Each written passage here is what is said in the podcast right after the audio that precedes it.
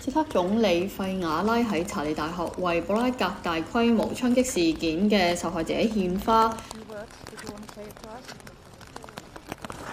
以色列星期五對加沙南部嘅空襲造成六人死亡。以色列同哈馬斯之間嘅戰爭造成二萬零五十七人死亡。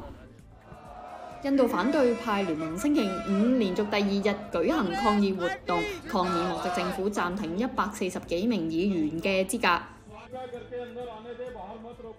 土耳其内政部长星期五表示，安全部队喺土耳其各地发动攻击，逮捕咗三百零四名涉嫌同伊斯兰国极端组织有关嘅人。星期五一场风暴席卷北欧，导致树木倒塌，北海沿岸发出洪水警告，德国部分地区铁路受到干扰。